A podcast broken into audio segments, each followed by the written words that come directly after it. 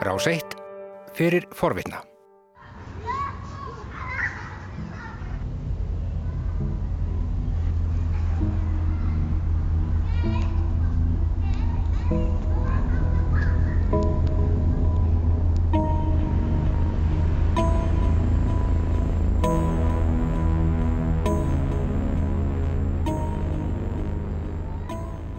Velkomin í Lofslagsterapíuna. Ég heiti Arnhildur Haldunadóttir. Ég er 31 ás í sambúð en engin börn enn sem komið er. Þegar við kærastinn tölum um barnagnir þá kemur lofslagsvandin stundum, tillir sér á aukslina á mér eins og púki og heimtar að fá að taka þátt í samtalenu. Finnst þér í lægi að fæða barnin í þennan heim? Rannsóknir benda til þess að ekkert stekki kólefnisbor okkar hér á Vesturlundu meira en að eignast barn fljúa hringin í kringum hnöttin, geta kjöt í öll mál, bruna um og bensinskrifsli endalust, þetta bliknar í samanbyrðu við það að eignast lítið saklust barn sem vex úr grassi, verður fullorðið og stundar kannski svipaða neyslu og foreldrarnir og hver veit, eignast kannski líka börn. Ég ber þá fjórðungs ábyrð á kólefnisspori barnabarnana, ekki satt. Flugviskubitt, kjöt, skömm, það er talað um alls konar skömm, en við tölum ekki mikið um barnskömm. Þar dregur samfélagi kannski einhver siðferðislega mörg. Loftslagsvandin er að mörguleiti siðferðislegur vandi, sumir hafa kallað hann siðferðisstorm, því að það er ekki ein siðferðisleg videónum, það eru fjölmarkar.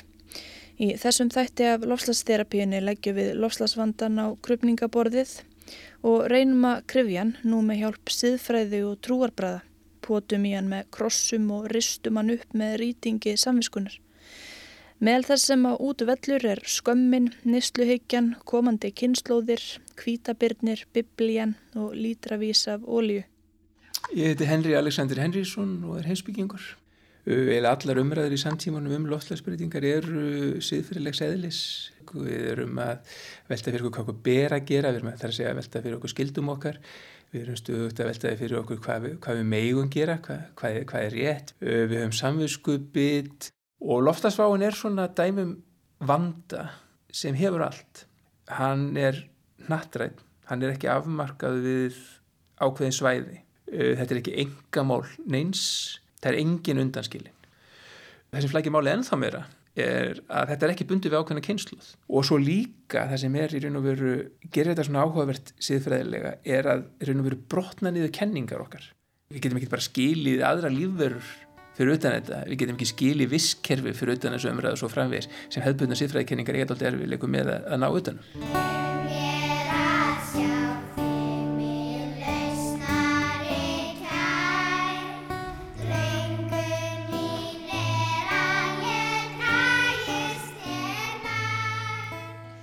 Trúir þú því að lofslagsbreytingar séu rumverulegar? Ertu frelsaðurinn í lofslagssöfnuðin? Umræðunum lofslagsmálinn tekur ofta á sig trúarlegan blæ. Það er talað um að predika, það er talað um loftslagssyndir.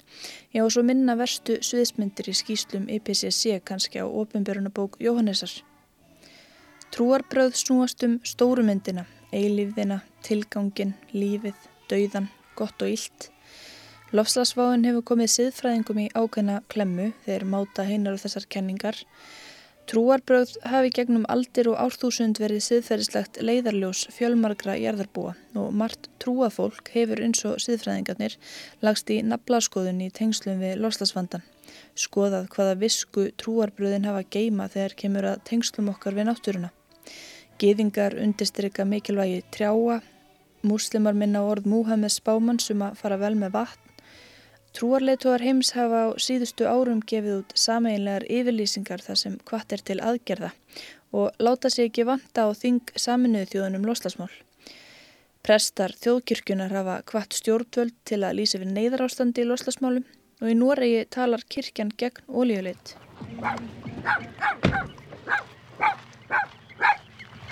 Hvern daginn, lesaður, hútsendri. Já, komið að segja þig. Sumulegis. Við erum komin í sveitina, nánar tiltekkið á bæin Sigluvík á Svalbarströnd. Það er sólríkur júnidagur, heiskapur í fullum gangi. Sindri Geir Óskarsson Guðfræðingur er hérna að hlaupi skarði fyrir tengdamóðu sína sem er einhver antikmarkað í gömlu útihúsi og ég næ honum í smá spjall áður en markaðurinn opnar. Það er ekki annað hægt en að vera úti, við setjumst á grasflöt við vesturveg húsins með útsinn út á eigafjörð, Sindri kemur með könnu með uppáhæltu og í það minsta tíu bækur sem að allar tengjast ástríðu hans vist guðfræði. Og bjóða þér? Já, takk. Það sem ég með mér er til dæmis Páabrefið hans Frans Páa sem að hann gaf út fyrir lofslagsrástafnum saminu þjóðan í París þegar Parísið sattmæli var undirriðtæður. Þetta var rosalega áhrifamikið bref og þú veist og þegar Páinn skrifa bref og sendir það á alla kaðalska söfni og segir þeim að núna eigi kálska kirkjan að bóða þá siðfræði að náttúrann sé náungiðin og svo er ég með hérna, The Green Bible þá hérna er búið að taka sko öll vers sem hafa eitthvað með ábyrð okkar á náttúrun að gera og gera þau svona græn. Já, er græn. Þannig að þetta er biblían bara nema búið að grænka grænuversin. Þetta er biblían, en maður flettir og hverja einustu síðu, ok, ekki hér, en næsti, jú, hérna, og hverja einustu síðu er eitthvað sem að fjallar um náttúruna eða hvernig, hvernig við erum að ganga um náttúruna. Getur þú nefnt eitthvað svona ákveðin græn vers sem eru svona uppáhaldi hjá þér eða tala mest til þín? Já, það er náttúrulega bara strax í sköpunarsögunni þá er sagt við manneskina þegar hann er sett í etinsgarðin, þú veist, þitt hlutverk er að vera hér og þú ætti að yrkja garðin og gæta hans. Og náttúrulega búður en tíu þú skalt ekki taka líf og þú skalt ekki stela og ef maður hugsa bara það er svo auðvelt að tengja til dæmis þessi tvei bóðorð bara inn í hérna, umhverfskrísuna við erum að stela frá komandi kynslaðum við erum að taka líf, ég menna ekki bara manneskjulíf, heldur líka náttúrulega bara, það eru dýratjóndir að deyja út, uh, líffjálbreytileiki er, er að nigna bara einhverju hraða sem hefur ekki sérst einhverju miljónir ára. En við finnum líka þessa hugmynd einhvern veginn að manneskjan eigi svolítið sérstöku sambandi við guðdóminn. Umfram öllu dýr og umfram alla aðra hluti í sköpunverkinu þá hefur manneskjan fengið á hverju hlutverk. Og þegar við horfum á lofslagskrísuna og þá sjáum við að hún sprettur að mörguleiti fram að því að við erum ekki að gegna þessari ábyrði, við erum ekki að huga að því hver við erum. Við hefum sett okkur í það hlutverk að, að stjórna sköpunverkinu, að stjórna náttúrinni, að ráða yfir henni.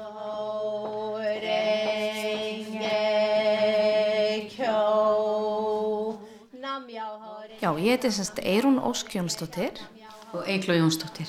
Bútist mér lítið svo á að allar verur séu samtengdar og það sem hver og einn gerir hefur áhrif á í raun og veru allan heiminn og samfélagið mm. og þessi mannúarbylting sem við erum að stefna að snýst um það að hver og einn einstaklingur gerir viðhorsbyltingu eða byltingu í sínu hjarta til þess að reyna að sína lífinu meiri virðingu og með því að gera það, gera þessa breytingu í einstaklingnum að þá sagt, erum við um leið að hafa áhrif á, þú veist, allt samfélagi heild. Sko bútismi lítur ekki á þannig að það sé eitthvað svona utan við okkur sem getur komið og, þú veist, refsað okkur eða þannig. Um, en hins vegar þá talar búta og neittsendaðisjóni sem er uppasmaður þessa bútisma báður um það að ef að þegar manneskjan verður raun og verið tínd í það sem að kallar sko, reyði græðkju fáfræði að þá munan sagt, mun maðurinn fara í að eiðilegja umhverfið í kringum sig og það er þessi hluti, þessi reyði, græðkju, fáfræði sem við þurfum að uppræta til þess að geta skapað, ég hefði kallað þetta bútaland, en er í raun og veru bara samfélag þar sem við berum virðingu fyrir stórkostlega fjölbreytileika lífsins. En í raun og veru snýr bútismin alltaf um hvað getum við gert núna. Mm. Það er augnabliki núna hvað getum við gert til þess að, að færa frið og hamingu til þeirra sem er í kringum okkur þessa jörð núna? Mm. og síðan líka trúum við að því að þegar við endurfæðumst að við raun og veru tökum allt með okkur. Þannig að við getum ekki lítið á ef það væri önnur plántas mm. eða eitthvað sem maður geti endurfæðist á. Þannig að maður ekki lítið á það sem bara svona plan B því að þú veist við verðum að leysa þetta núna þannig að tökum við þetta bara allt með okkur. Hæ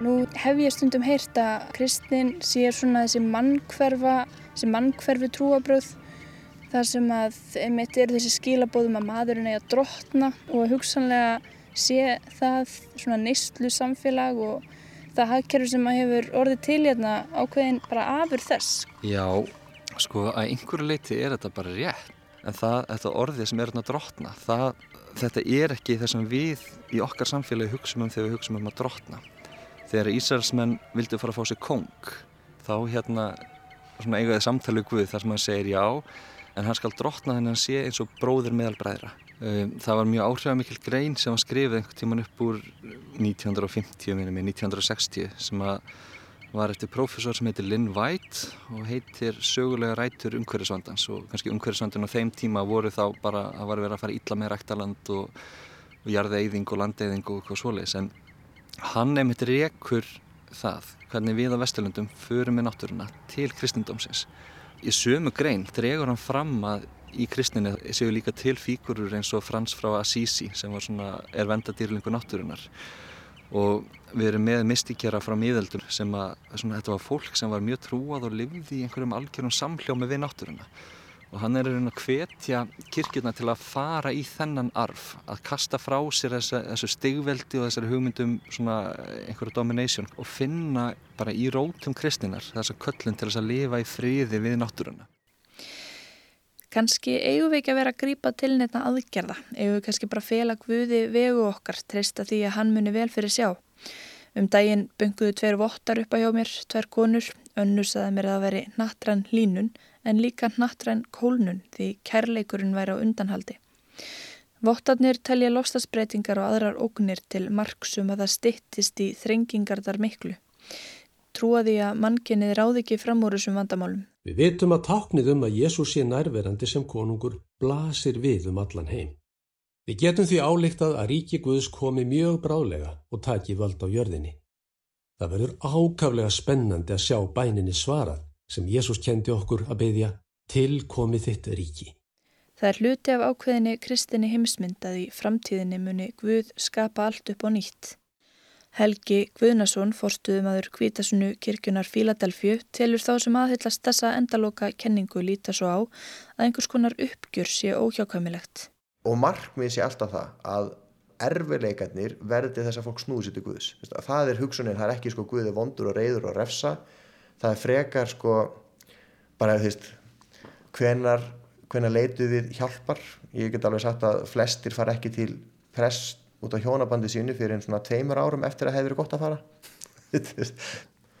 þannig ég held að hugsun sé þessi sko ástandi vestnar til þess að reyna að vekja fólk upp og, og að fólk fara að hugsa út fyrir sjálft sig og leiti Guðs ég tengi eins og segja orð Jésu, hann talar um að það verði alls konar járskjáltar og, og hérna svona förðuleg hegðun náttúrunar ofinbjörnabókin hún talar um einmitt sóleimun brenna fólk og talar um að sko vötnin verði beisk og að þetta sé bara eitthvað sem að verða muni. En ég held mín, minn lestur á ofnbjörnbókinni eh, er ekki það að þetta sé eitthvað sem gerist bara einu sinni, ég held að þetta sé hlutir sem að er alltaf að gerast sko. það er alltaf einhvern veginn að verða ójafvægi og, og þá eru alltaf hlutir sem fylgja og, og maður nefnir alltaf eins. Það hljóma svolítið svona eins og þú veist, ef maður er hugsað út frá einhverju tölvinafræði eitthvað, það sé bara svona forrið sem ja. að Guður skapað og svo þegar að það er eitthvað farað að hérna Eh, ruggla í því að þá fara að koma fram alls konar svona hérna vírusar. Já, svona jafnvægi og sko ójafnvægi sko. En við trúum að, að Guð hafa sett lögumál veist, og það er bara eins og með eins og sáir, þannig myndi uppskera þegar, þegar Ísæðismenn voru að ganga inn í fyrirhengnalandið þá voru tveir menn látið að fara upp á sík og tjallið og annar las sko ef þið gerir þessa hluti þá kemur blessun. Og svo að lesi sko ef þið gerir þessa hluti þá leiði yfir ykkur bölfun og svo endur að segja Guð seg, endanum segja Guð við á í dag hef ég lagt fyrir ykkur dauða og líf blessun og bölfun til þess að það mættu velja lífið. Og ég trúi því að mannkinnið við bara maðurinn séum fallin vera, við erum kerfin sem við búum við eru algjörlega lítið af synd og ég held að það sé kannski veist, ég, þannig ég myndi að segja sko við erum að uppskera þá bara eins og við höfum sáð gegnum aldirnar með þessari sko sjálfshyggju þannig að ég lít kannski að minna á þetta sem Guð að gera þetta og meira bara eitthvað sem við mennirnir erum að kalla fram sko. Hvenar viljum við aðgerðin? Núna! Hvenar viljum við aðgerðin? Núna! Í grunninn er vandin kannski svartkvítur eins og Greta Thunberg hefur bent á. Þetta snýst um að stöðva losun gróðursaloftegunda og annarkort gerum við það eða ekki. annarkort komum við í veg fyrir að jafnvægið í veðrakerfinu fara úr skorðum eða ekki. Því meiri þátt sem að þú hefur átti að skapa vandan, því meiri er ábyrðin. Greta er einhvers konar siðferðislegt yfirvald, fulltrúi sammiskunar og í baratu hennar kristallast þau siðferðslegu álitamál sem snúa loslasbreytingum og kynnslúðunum. Hvernig dirfist þið að sækja von til okkar, unga fólksins, spurðu hún á leðtóafundi samniðu þjóðana í New York. You all come to us young people for hope. How dare you? Sumir af eldri kynsluðinni, af þeirri kynsluð sem spjótin beinast að, fari vörn, hvæsa á móti og saka krakkana sem mótmæla á förstu dögum um hræstni. Þið farið þá bara í kalda sturtu hér eftir, já við sækjum ykkur ekki á æfingu.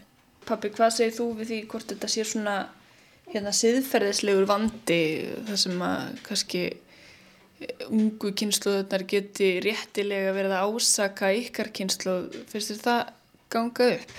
Ég held, held að það sé í sjálfsvegar ekki hægt að dæma neitt Uh, fyrir það sem að uh, hefur verið að gerast síðustu áratugi en ég held hins vegar að uh, við sem að sko segja það að svona ráðandi kynnslóð í dag sé kynnslóðin mín.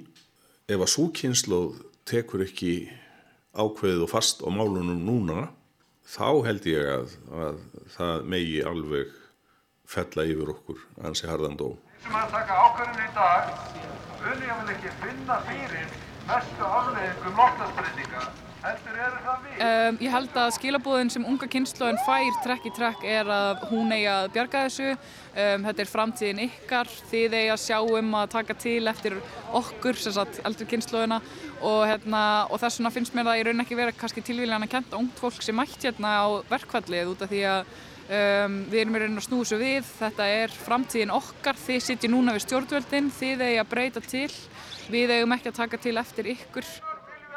Ungt fólk talar um ábyrð, eldri kynnslóða, uh, eldri kynnslóðin að tala um að þetta sé ábyrð uh, unga fólksins að leysa vandamálið. Ég held að það sé mjög hættuleg nálgun, það er ekki þeirra ábyrð að leysa vandamálið. Hins vegar held ég að, að, að ungt fólk í dag muni leysa er, lausnin að þessu. En ég vil að þau gera það eigin fórsendum sko. Ekki einhverjum svona með einhvern ábyrðaböggul sem þau fenguð sendan frá fyrir kynslu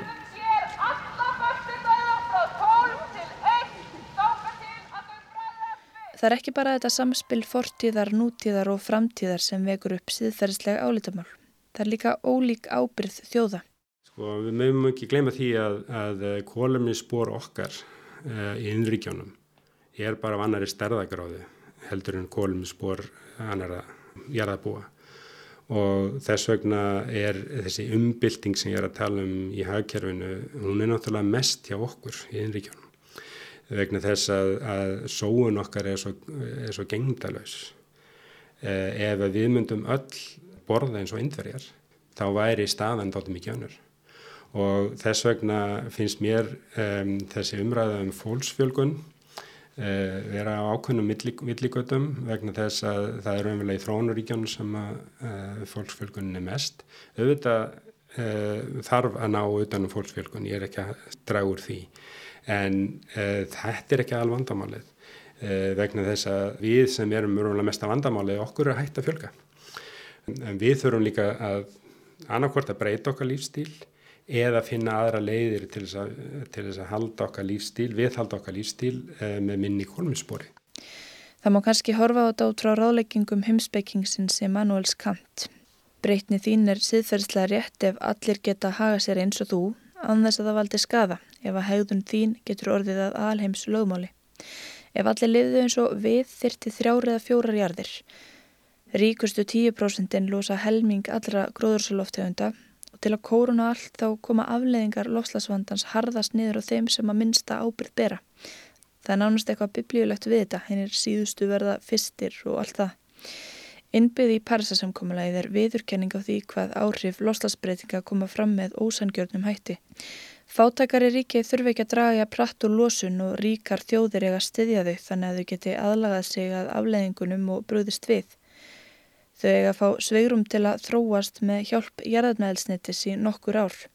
Vonandi gengur þeim svo betur en okkur að losa sig við oljufíknuna þegar það er að kemur. Þrátt fyrir stuðningssjóði og slaka má veltaði fyrir sér hvort skuld okkar við þessi ríki sé full greitt. Hvað gerum við í framtíðin ef miljónir loslasflóttamanna byggjum vernd? Við þurfum að fara að huga því að hvernig ætlum við raunveru að takast á við þetta? Eru mannreitindi skrauts á tillitugum eða eru við að hugsa um þetta einhverju alvöru? Mm. Og er okkur sko and um siðmenninguna? Siðmenning er svona ákvæmlega viðkvæmt fyrirbæri. Við erum raun og veru dýrslegi okkar eðli og siðmenning er örðund lag á hegðun okkar. I think it's not about saving us, it's about uh, saving the animals. Mér samum mannkynnið, segir ferðarþjónustu bóndi á Svalbardha. Ég bregst við vegna dýrana sem eiga enga sök á þessu. Í umhverfið siðfræði er talað um mannkverfa sín og lífkverfa sín. Eru við réttari en aðra lífurur? Parsisamkónlegið byggjar að stóru leiti á mannkverfri nálgun. Upphálega var miða við tvær gráður, leðtógar Kirrahafs eiga gátt ekki felsi við það, vissu að tvær gráður myndu keira eigarnar í kaf og því var talað um að halda hlínunni sem næst einni og hálfri gráðu. Ef að kvítabirnir heims hefðu gert samkómalagið hefðu mörgin öruglega leið annar staðar en við tvær gráður. Kóralrifin hefðu skellt hurðum og barið í borðið og það er ekkert vist að komandi kynnslóðir hefðu komist að sömu niðurstuðu. Ég finnst síðfræðin, svo síðfræði sem við höfum svona of mannkverf Ég vil færa hana miklu meira út í lífríkið, tala um hagsmunni og siðfriðlega og, og réttindi náttúrunar, bæði einstaklega lífverða og visskerfa. Ég held að við getum ekki komist neitt áfram þessu umræðu ánum þess að, að horfa á þetta frá þeim, þeim vingli. Við höfum bara þess að tilneyingu að við endum alltaf í okkar eigin hagsmunum sko og við þekkjum þetta bara í umræðum með umhverjusmál hvernig þetta enda með því sko, já við þurfum nú samt til að bara reikna út sko. ef, ef þetta fer þá kom ekki túristar sko eða, og þetta er svo hræðilegt að því að þetta er svo mikilvæg náttúru upplifin er svo mikilvæg fyrir okkur. Og þetta tengist líka öðru, ég meina þetta tengist alltaf bara því sem við höfum beint fyrir framann okkur. Þá hefur við líka erfileikum að tala um komandi kynnslóðir og fleiri, sko þetta er ekki bara það sem er sem sagt okkar eigin nærtökustu hagsmunni sem við þurfum að tala um og greina þegar við erum að velta þessu fyrir okkur eða umhverjusmálum í, í víðum skilningi. Svona, ég veit að ég má ekki segja þetta í útvarspjallar landsmanna en höfuðu þarf að koma út úr raskatina okkur Það má deila um hvort nótkun okkar á jarðefna elsniti í þeim tilgangi að hýta og kæla húsin okkar, komast á milli staða og fjölda framleiða nýtja hluti í blandi óþarfa drasl hafi verið siðferðslega rung. Það má deila um hvort vakstarhagkerfið og önnur kerfi sem að ramma einn líf okkar sé eðlisinu góð eða íll, hvort tilgangurinn hafi helgað meðalið. Er ekki líf okkar að mörguleiti betra, hefur ekki dreyður fátækt, borðu við ekki fjölbreytari mat? Það náttúrulega var ekkert grannmeti nema karteflur og róur og svo eppli jólinn. Þannig að þú fegst enga ávexti og, og ekkert grannmeti nema bara róur og karteflur? Nei. Og svo fegst þú... Og hundasúrur. Já. Hundasúrur. Það hefur náttúrulega verið gott svona, Já. góð viðbót. Já. Og svo smakkaru einhvern tíman appelsínu, var það ekki? Jú, ég feg fór á bæjum fyrir að gefa henn appi sína og hún var svo sillilega vond að ég fór með henn út og grófana. Okkur gekk kannski gott eitt til en það breytir því ekki að vandin sem við stöndum frammi fyrir í dag er til komin vegna allra þessara umsvifa. Umsvifa sem byggja miklu leiti á nótkun jarðumnæðilsnettis. Þessi vandi getur leitt til stórkurslegra hörmunga verða ekki gripið í taumana og þess vegna er talað um að við þurfum að breyta lifnaðarháttum okkar. Ekki vegna þess að þeir hafi verið vondir í sjálfu sér, heldur vegna þess að afleðingar þeirra eru hættulegar. Ég las bandaríska rannsók þar sem kom fram að neysla meðal bandaríkjamanns yfir heila æfi stuðlaði að miklum þjáningum eða dauða tvekja einstaklinga í framtíðinni. Nú hefur allt mitt líf verið litað kólefnislosandi neyslu Á ég að horfa tilbaka og skammast mín fyrir flugferðirnar, óþarfa akstur, fötinn sem ég kifti á þess að máta og pössuðu svo ekki? Er ég vond manneskja? Uh, við erum öll með græðgis elementi í okkur og við hefum öll eiginleikan til að geta hugsað um aðra og þessi áhersla á hagvöxt og svona klassíska hagfræði, hún gengur út frá því að hver einstaklingur hugsi bara með einras. Ef við samfærum okkur um að við séum óalandi og óferjandi og hugsun bara um okkur sjálf, þá eigur það líkutnir á að við gerum okkur það. Þannig að ég held að það sé mikilvægt að lifta uppi hæfni mannsins til að hugsa um heldina. Við getum það og ég menna það ekkert okkar væri á lífi í dag ef það hefði ekki einhver tíman einhver einstaklingur hugsa meira um okkar þarfir en sínar eigin. Segir auður Ingólsdóttir, alþjóða stjórnmálafræðingur og markþjálfi. Við vitum, það veit ég lengi nákvæmlega í samtímanu sko hversu mikið sko lofslagsmáin er afleðing siðfriðlega ámælisverðar hegðunar sem er tilgangslösar eða bara svona sem við getum sagt að sé eðlileg svona þörfu okkar fyrir, fyrir vörur og þjónustu. Það er augljóst að, að ofsafengi neyslu okkar undanfæðna áratugi hefur ykt þetta, við vitum það. Og fólk svona skamma sín létt fyrir og mun horfa held ég í baksínu speilin og velta fyrir sig hvað var ég að hugsa. En svona í stórum dráttum held ég til þess að umræðan skil einhverju. Vil ég að fólk hvaði mjög varlega með ábyrðar hugtækið í þeim skilningi þetta getur bara hvað til þess að fólk bara svona lipist niður sko. Að, að, að, það axlega einhverju gríðarlega ábyrð sem einstaklingar. Ég held að ábyrðin líki hjá okkur kollektíft sko.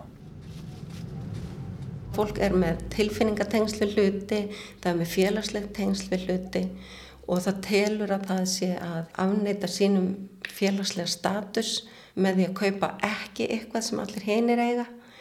Þetta var alltaf bara í rauninni um, frátekið fyrir aristokrasina, fyrir kongafólk og ríkafólkið og svo allt í einu er, er venjulegt fólk fara að hafa aðgang að alls konar varningi til þess að tjá það hver þau eru og tólka aðra. Og það er þarna sem að við lendum í svo miklu vanda vegna þess að sko massin af hlutum sem er framleitur til þess að fólk geti tjá sig á þennan hátt er bara allt og mikill fyrir jörðina, við, við bara getum ekki staðið undir þessu. Þetta er Ragnar Benedikta Garðarsdóttir, dósend í félagsálfræði. Við búum í neyslu samfélagi en það hafa ekki allir neyslu sinni með sama hætti. Margir hafa lagt sér fram við að breyta lífsáttum sínum. Gústi Garðarsson er eitt þeirra, hann kokkar ofin í starfsmenn verkfræðistofunar Eblu og gerðist vegan á einni nóttu. Þegar hittan var hann nýkomin úr fríi á Ítalju. Veist, ég er alveg upp á Sveitabæ og alveg upp á svona, svona síðhippa kommunistum þannig að ég, hef alltaf verið svona, veist, með þetta í bakgrunnin sko, að, að við séum að fara svona íla með plánunduna sko. Með þetta, þetta samvinskupið á hans að gera neitt kannski að viti í því sko. En e, svo núna síðustu ár sérstaklega síðustu þrjú ár hefur þetta verið að sækja meira og meira á mig. Þú veist þannig að ég fer að færa mér að þú veist fá mér hybrid bíl og reyna í orkuskipta á heimilinu flokka meira röst og svo núna síðasta vetur þegar ég byrjar að vinna í Eblu þá erum við að þróa þar forrið fyrir kólefninsbór matar sem ég vinn með í mötunöytinu í, í Eblu og það tekur ekki nema tvær vikur að ég er að vinna með þetta fórið að setja inn rétti dagsins eh, og sjá kólöfnisbor kjöts og fisks og sérstaklega eh, dögskjöts að, að ég bara verði vegan.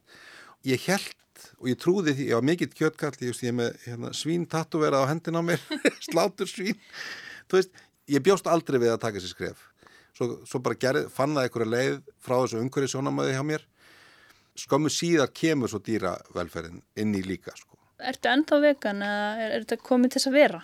Já, ég er ennþá, sko, ég er Svindlaður kannski Ítalíu? Ég svindlaði Ítalíu Ég borðaði rjómapasta með sortum truflum á Ítalíu hérna, ég viðkynni það Ég ætla að fara rólegar inn í þetta en ég gerði það fyrst. Ég ætla mér að vera vegan.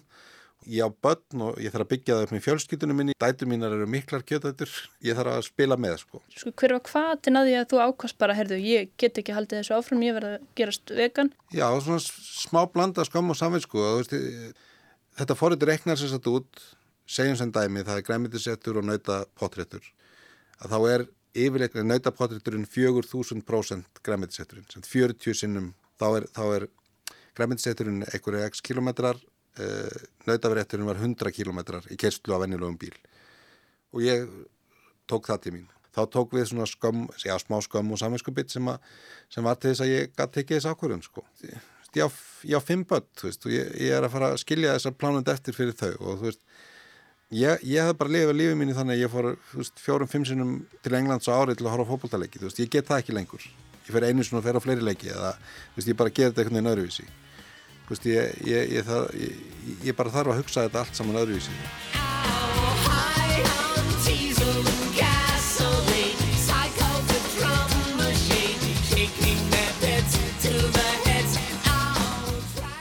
Viðmælendur mínir hafa margir mingað kjötátt eða ferðalög. Þó nokkur ár síðan ég svona setti á mig svona kvóta í flugi að fljúa bara eins og ári og svo fyrir nokkrum árum þá setti mér þá regla að fljúa aldrei þá meira en þá til Skotlands og taka þá lest taðan.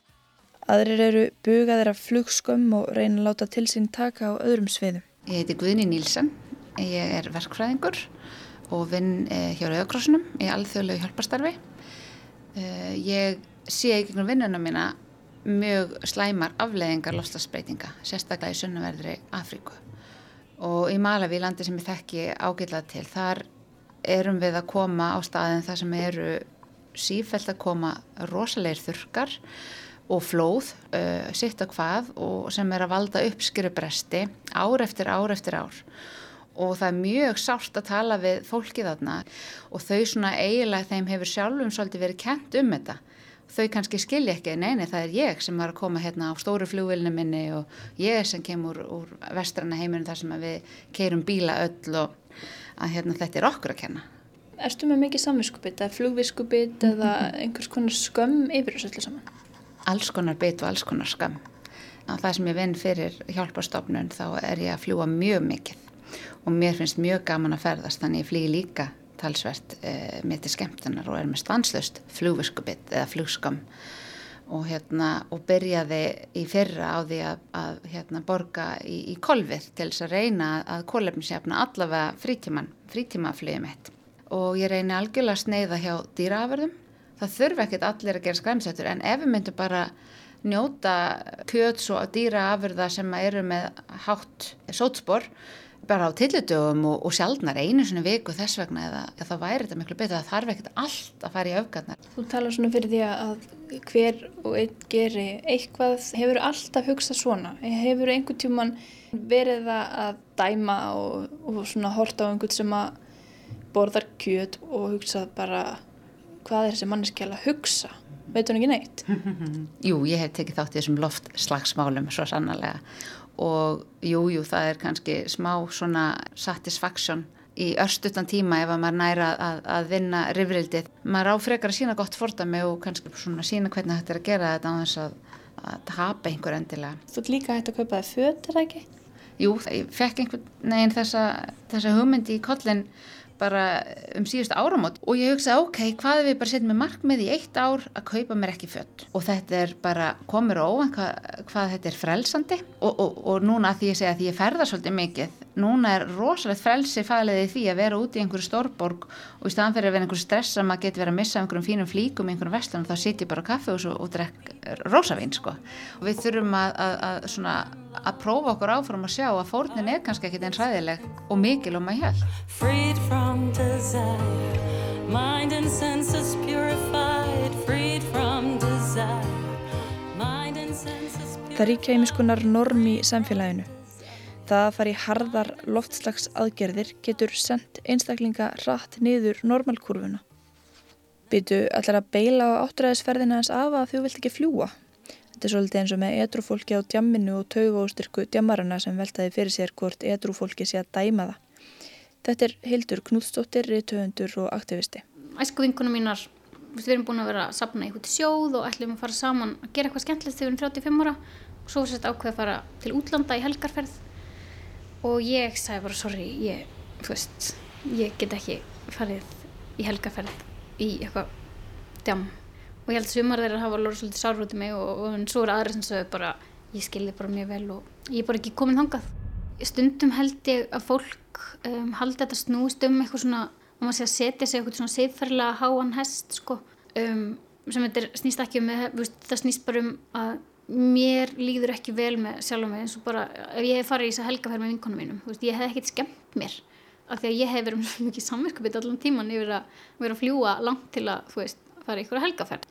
Mér finnst ekkert erfitt fyrir sjálfa mig að hætta að kaupa mér hitt og þetta eh, en svo er þetta svolítið erfitt hvað var að bönni mín. Það er langa bara í svona bangsa af því að allar vinkunur þeirra eiga svona, þú veist. Og svo man ég líka þegar maður var, eins og þegar ég var úlingur, þá bara, ef þú áttir ekki frúta á lúmpeisu, þá varst þú bara mesti nördin.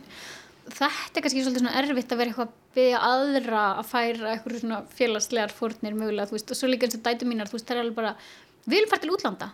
Og svo alveg tókað með beini núna, þú veist, þær vildi fara til útlanda í sumar og ég var búin að segja nei að því að menga svo mikið. En þá var alveg, þú varst í útlandum ég var alveg, já, ég var á bókmyndaháttíð og ég, þú veist, það var vinnan mín en það er alveg, okkur mátt þú fara til útlanda að menga í vinnunni? En við máum ekki fara að hafa skemmtilegt. Og ég var bara, já, ég veit, góð spurning.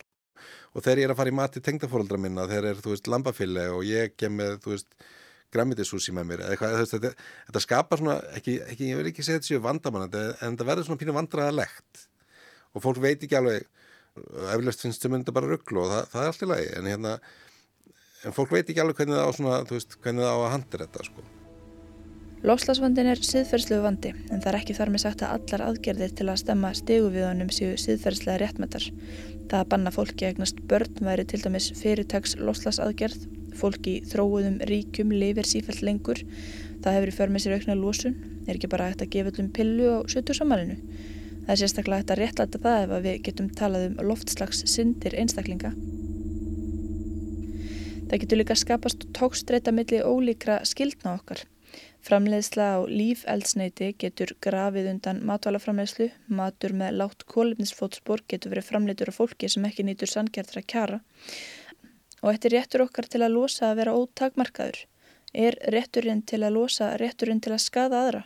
Það að okkur ber, okkur ber að gera einhvað getur stangast á við eitthvað annað sem okkur ber að gera. Þannig kemur siðferðan inn í þetta. Við erum stöðugt að, erum stöðugt að bera saman ólíka skildur okkar sko. það er þær skildur geta stangast á og skildur okkar geta verið að braunverulegar Talandi um tókstreitu, loftslagsvandin potar ekki bara í samgöngutan okkar, fötin og matin, hann potar líka stundum í okkar dýfstu mannlegu tilfinningar. Í bandaríkunum eru starfandi að minnstakosti tvö samtök sem vilja vekja aðtikli á þeirri tilvistarkrísu sem sumt fólk á barnegnaraldri er í. Því finnst það ekki geta fætt börnin í heiminn og vil gera leðtogum ljóst hversu djúb áhrif loftslagsváin hefur á lífið þess og líðan. Þessi samtök tala ekki fyrir því að fólk hætti egnast börn. Flestir sem tilherra þeim vilja eignast börn en fá það ekki af sér og krefist þess vegna breytinga. Í upphafi þessa þáttar myndist ég á barnignir og þetta svakalega kólefnisbor. Það er ekki þessi losun sem að stendur helst í mér þegar að púkin sest á aukslinn á mér. Mér finnst svo pæling bara í lof uh, langsótt. Það eru frekar áhyggjur á barninu sjálfu ef heimslosunin væri á niðurleið og allt liti út fyrir að við næðum tökum á vandanum hefði ég ekki áhyggjur. En ef ekkert breytist neyðist barnið þá til að horfa upp á hnygnun vistkerfa, uppgang, fasisma, aukin átök. Ég er ekki að segja að mín börn væru merkilegur en önnur börn. Það er fullt af börnum í heiminum sem mér þykir ofur vandum og ég vil alls ekki að þau lendi í krísu. Þetta er ekki endilega raunheftu mat, þetta er, eiginlega, þetta er bara tilfinning. Og það er kannski allt eins hægt að tala um mikilvægi þess að eignast börn. Við þurfum gott fólk til að takast á við loslasvandan næstu áratugina. Fóreldrar mínir er ekki beint hlutlusir þau vilja batnaböld. E, ef við höldum ekki áfram að lifa og hafa einhverja trú og von á að, að það sé hægt að snúa þessu við, þá er kannski ekki, ekki til svo mikils lifað í rauninni. Mena, við getum alveg lifað og, og haft trú án þess að koma með e, nýja manneskinu heiminn sem að verður vesturlandabúi og vill öruglega nýslu, sambarilega nýslu fóreldrana og Já, en ef allir hugsa svona, þá, þá náttúrulega er við bara útrým okkur sjálf. Er ekki, er ekki næra að hérna, hugsa um það hvað getur maður gert, hvernig getur maður þá uh, alið barnið sitt upp með þá hugsun sem við þurfum að þýlenga okkur öll. Nei, ég er bara sammála með möðunni. Við hefum að trú á lífið og uh, ég held að ég get ekki að hugsa með þær kringustæður koma upp þar sem að maður myndi allt í hennu bara æga hætta því sko. Sko að draga okkur hlið núna er ekki lust fyrir mannkynnið ég held að það er við draugum okkur allir hlið hættum einhverja spöld fyrir miklu svona sjálfþjóðstabúskap lokum landamærum og allt þetta sem er margir stinga upp á og búum stuð bara býðum eftir heimsendi þá mun koma heimsendir. Í skilningi uh, siðmenningi mun uh, siðmenningum mun raka allar svona lausnir um að við bara hættum einhverju Síðminning byggir og því að við munum halda áfram með vöru og þjónustu við munum hafa einhverju neyslu. Lofslagsváin byggir bara einfallega á því að við erum búin að ofnota jarðefna elsniti allt og lengi og við þurfum að stjætt grípi handbremsunum þar og við gerum það bara sem, sem mannkinn öll saman, eða ekki. Ég sé miklu frekar að það sé miklu bjartari framtíð sem býður bannana minna. Þú trúir því að þessar breytingar verði? Ég held þessar breytingar verði ég held að bara einfallega að það börnum mín bú, muni búa við betri lofgæði uh, minna stress við munum því miður missa ótrúlega marga dýrategundir. Þetta er spurningum um valdþreg munum við treysta stofnunum okkar til þess að sína valdþreg og gera einhvað í málunum og veita þeim umbótið þess? Eða mun ekkert gerast? Og þá kannski kemur það einn tíðanpunkti að við horfum fram á sjóndeldarhing þess að við getum, getum hvort sem er verið lifandi eða liðin sko. Sumir tala um að þessi eðli síðmenninga tortíma sér þegar þróunin nær ákunnu stíi farið að hafa áhrif á lofttjúp plánutunar sem þær byggja. Þetta hefur verið kallað þinn mikla alheims síja og hver veit. Og kannski er við pláa sem er ágætt að jörðin útrými, dýrategundir sem hefum grafið undan fá þó tækifæri til að ná sér á stryk Kanski er ekkit að því að mannkynnið fljúið fram af brúninni.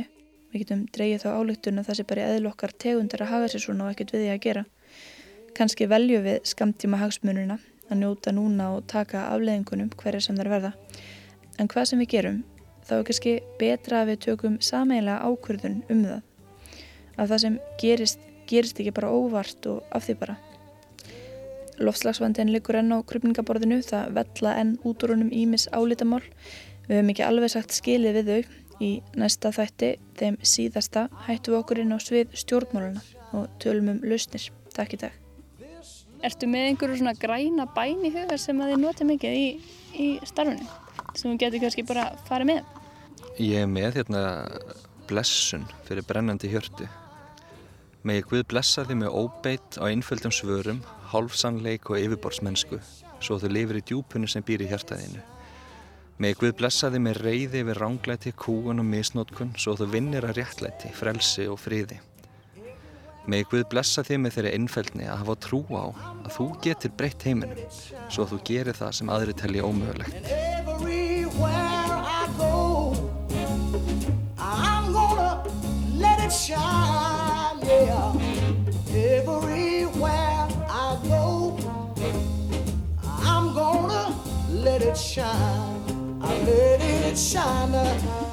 Let it shine to show my love.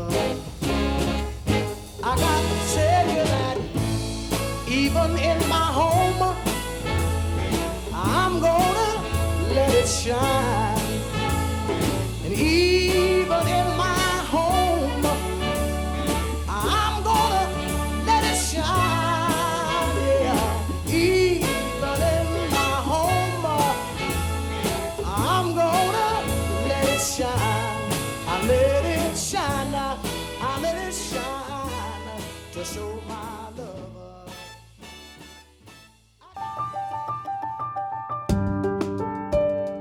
Varst að hlusta á hlaðvarpsþátt frá Rás 1. Ef þið langar til að heyra meira, farðu þá á rúf.is skástrygg hlaðvarp eða spilaran á rúf.is skástrygg útvarp. Rás 1 fyrir forvitna.